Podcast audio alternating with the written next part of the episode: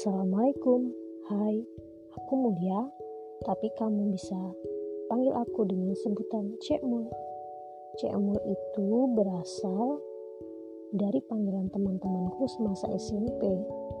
Mereka suka menjulukiku dengan sebutan Cece, sehingga disingkat jadi Cek Mul, yang artinya Cece dan Mulia. Tak jarang juga setiap not yang aku tulis ku akhiri dengan tagar cekmul.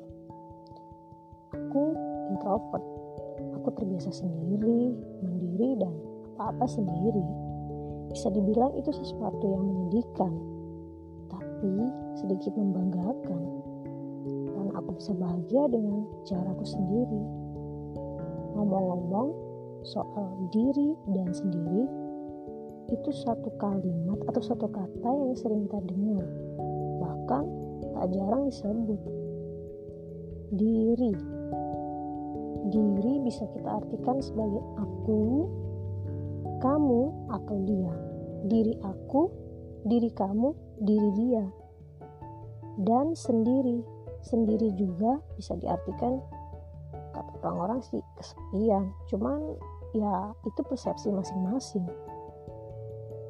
diri sendiri itu bisa diistilahkan aku ini atau diri sendiri aku ini ya aku ini atau aku sendiri atau yang lainnya tergantung dari pandangan orang-orang lain. Well, ngomong-ngomong soal sendiri, kenapa sebagian orang ada saja yang mempermasalahkan tentang kesendirian? Katanya masih aja sendiri. Ih hari ini udah gak zaman. Ih apaan sih? Bahagia apa lu? Masih sendiri. Itu kalimat yang sering kita dengar. Kenapa ada saja yang menganggap itu tuh hal yang menyedihkan? Padahal gak selamanya yang sendiri itu sedih dan yang berdua itu bahagia.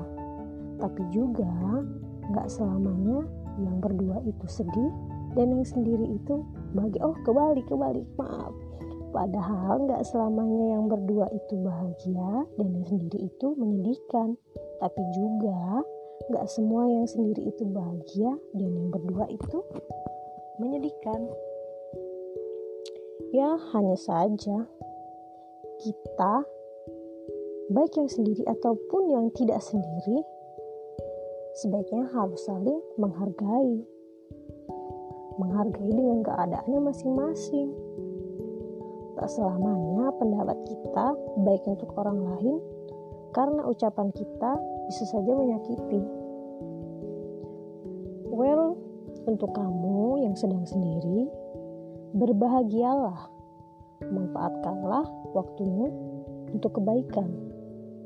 Pergunakan sendirimu dengan hal-hal yang bermanfaat. Cari berbagai pengalaman sebanyak-banyaknya.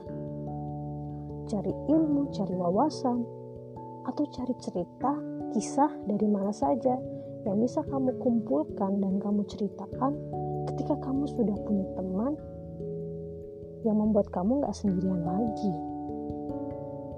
Dan untuk yang tidak sendiri, gunakanlah waktumu bersama dia yang ada di sampingmu.